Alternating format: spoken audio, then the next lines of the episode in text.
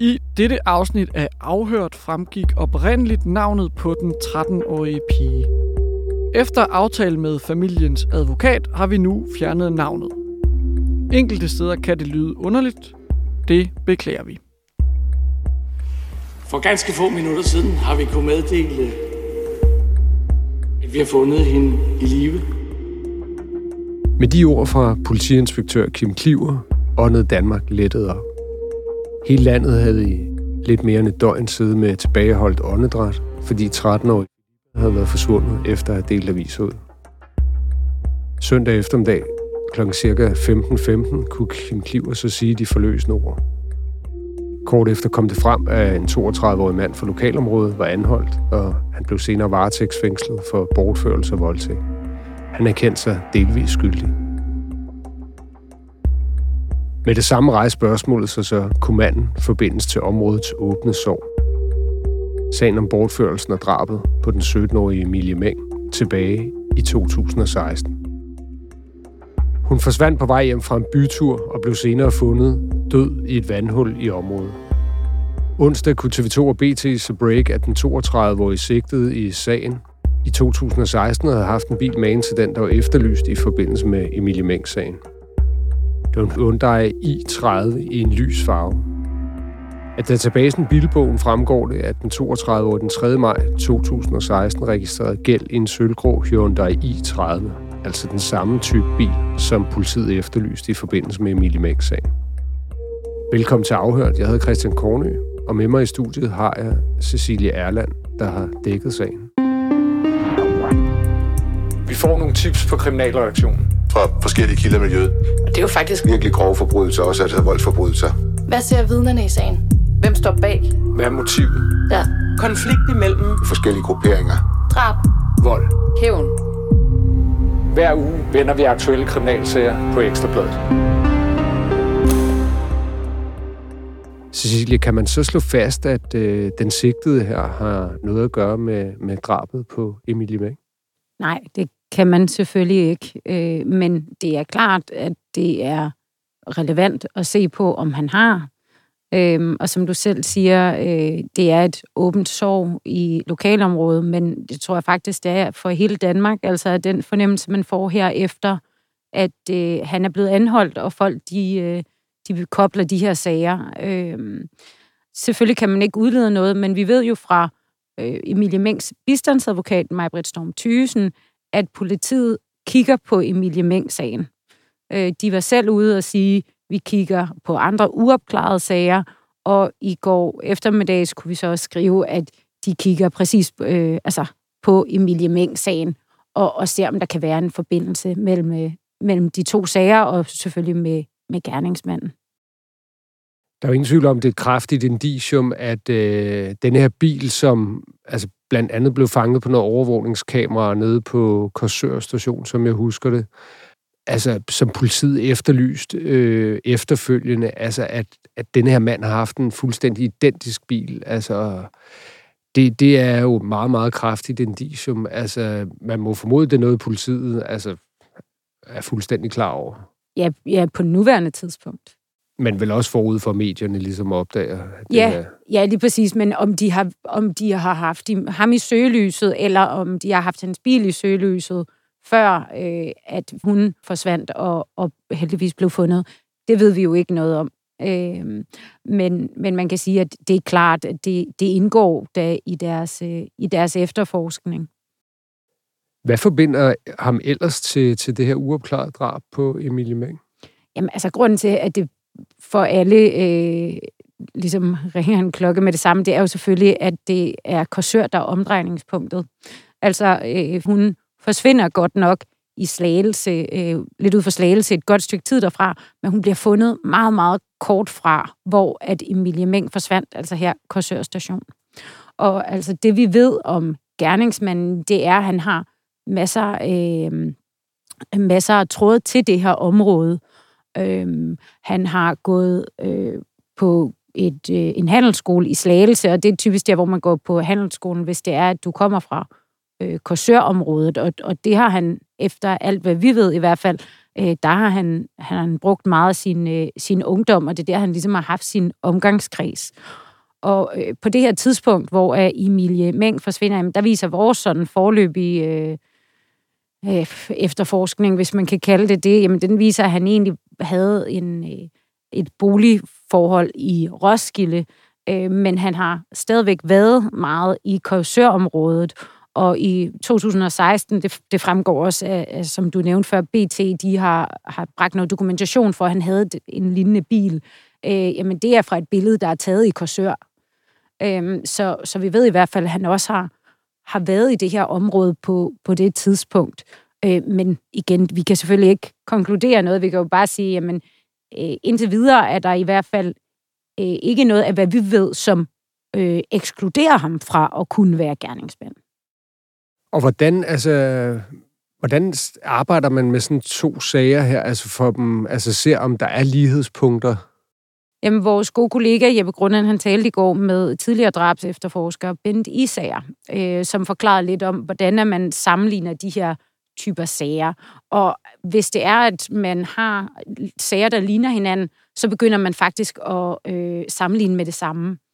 Øh, en ting er, at det her det er så foregået i meget samme område, men fordi Danmark er så lille, altså du kan godt, altså på et par timer kan du virkelig komme langt væk, så kigger man faktisk ret bredt øh, med det samme, som han forklarer det. Og så er det jo så bare yderligere et indicie, at, øh, at det er i så tæt nærhed. Ikke?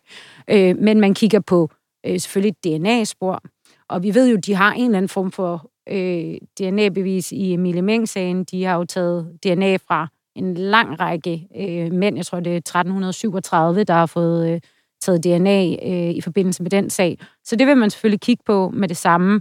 Øh, fingeraftryk og andre af sådan nogle øh, biologiske beviser.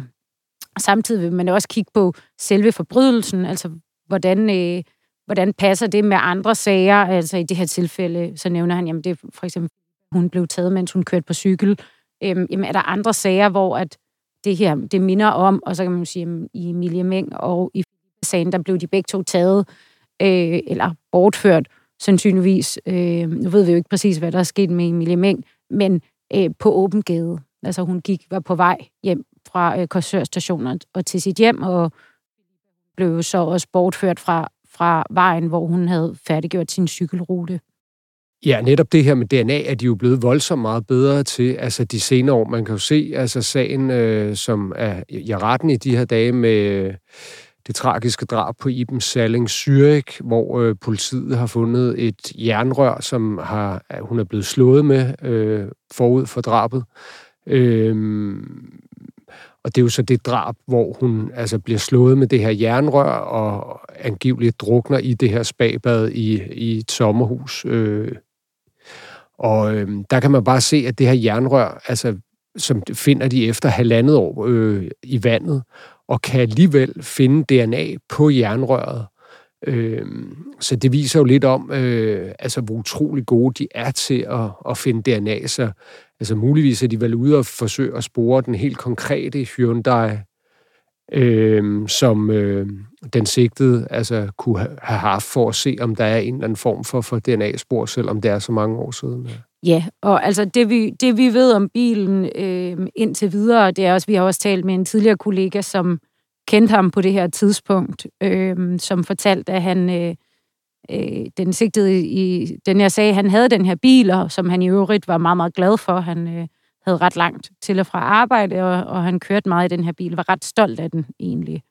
Øh, men det vi ved, det er, at i 2021, da øh, øh, bilen den ligesom bliver afregistreret fra, fra hans navn, jamen, der er den totalt skadet.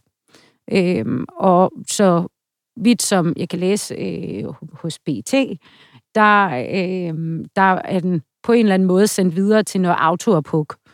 Og hvad der så er sket med den derfra, jamen der, øh, der ender sporet egentlig lidt blindt, fordi den er ikke blevet registreret som skrottet, hvilket den egentlig skal.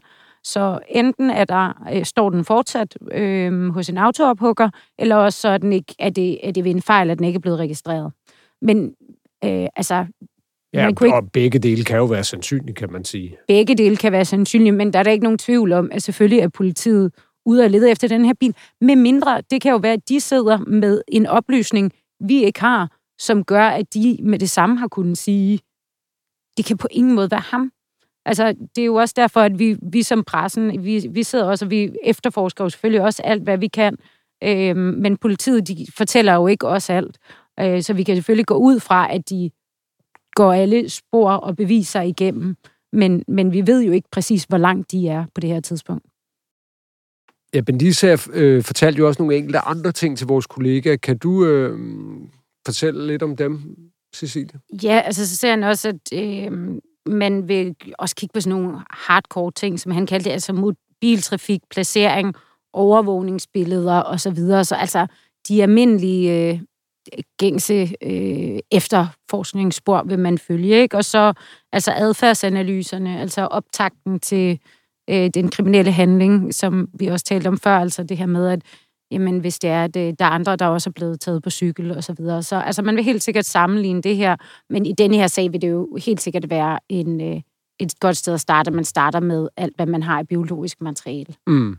Man vil vel også afhøre hans nærmeste for at høre, hvordan, altså, hvordan var hans mentale tilstand omkring det her altså med Emilie Meng. Altså, fordi man må formode trods alt, han kan ikke have været særlig gammel dengang, altså med lidt hurtig hovedregning, altså sådan i start 20'erne. Ja, han, vil, altså, Men, han ville have været 25 på det her tidspunkt. Fem, ja, 25 på det her tidspunkt. Ja. Så hvis man har begået et voldsomt drab, øh, må man formode, at man er lidt ude i tårne trods alt. Øh, så der afhører man vel også de nærmeste for at høre, altså var han anderledes i sin adfærd? Eller?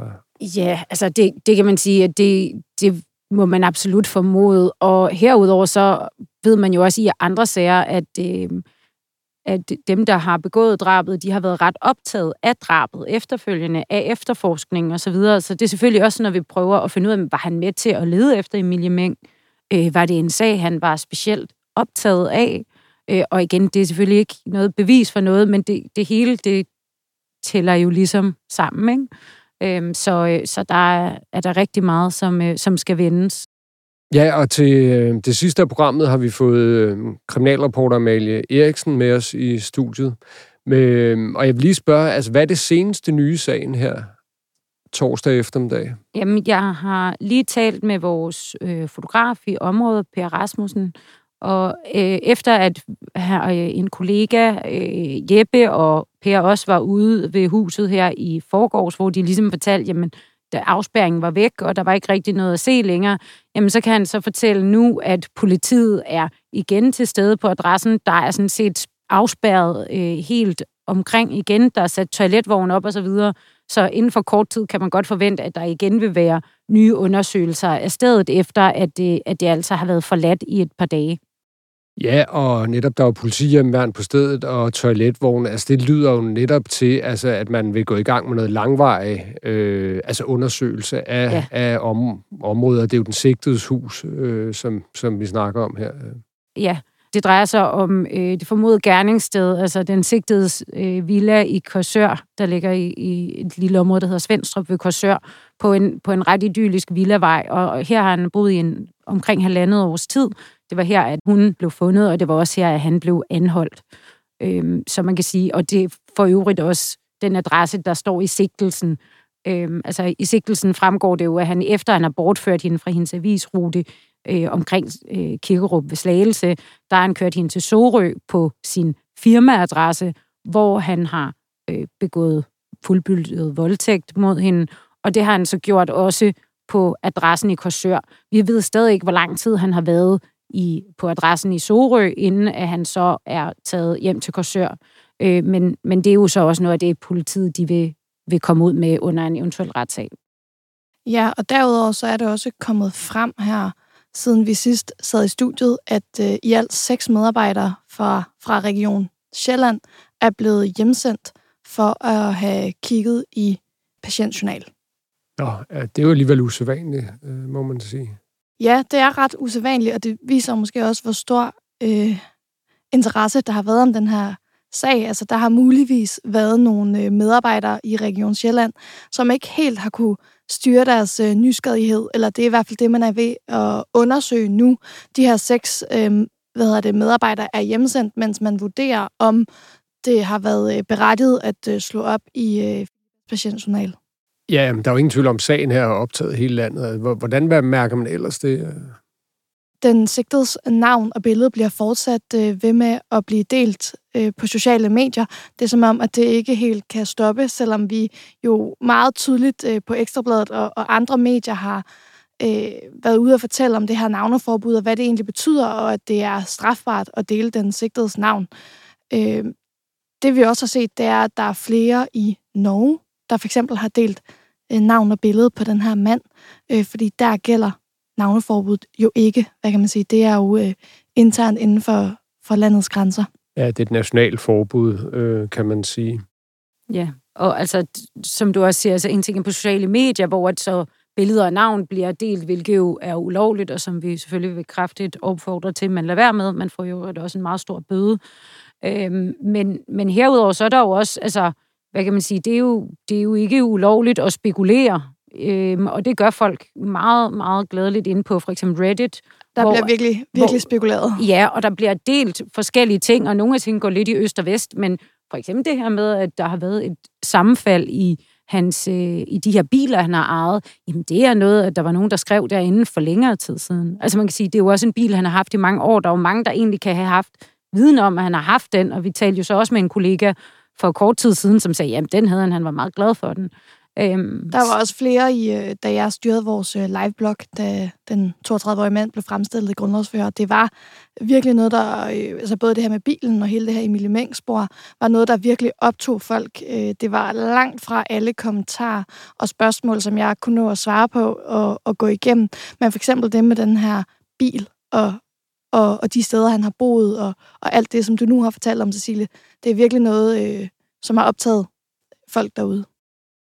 Og øh, lige for at, at runde det med navnet af, så har der jo altså været en mediemæssig diskussion omkring det her med at bringe øh, altså navn, og det har vi jo så valgt at gøre på Ekstrabladet, fordi at øh, vi har familiens tilladelse til det, og fordi at navnet allerede havde været altså, bragt så bredt i så lang tid og så massivt, at de fleste godt er klar over, hvad den 13-årige hedder. Øh, og det er jo en, en beslutning, som bliver taget op til revidering løbende, og som jo også, øh, altså man er i dialog med, med forældrene omkring. Jeg vil sige øh, tak til jer to for at komme i afhørt, og så tak til alle jer, der lyttede med derude.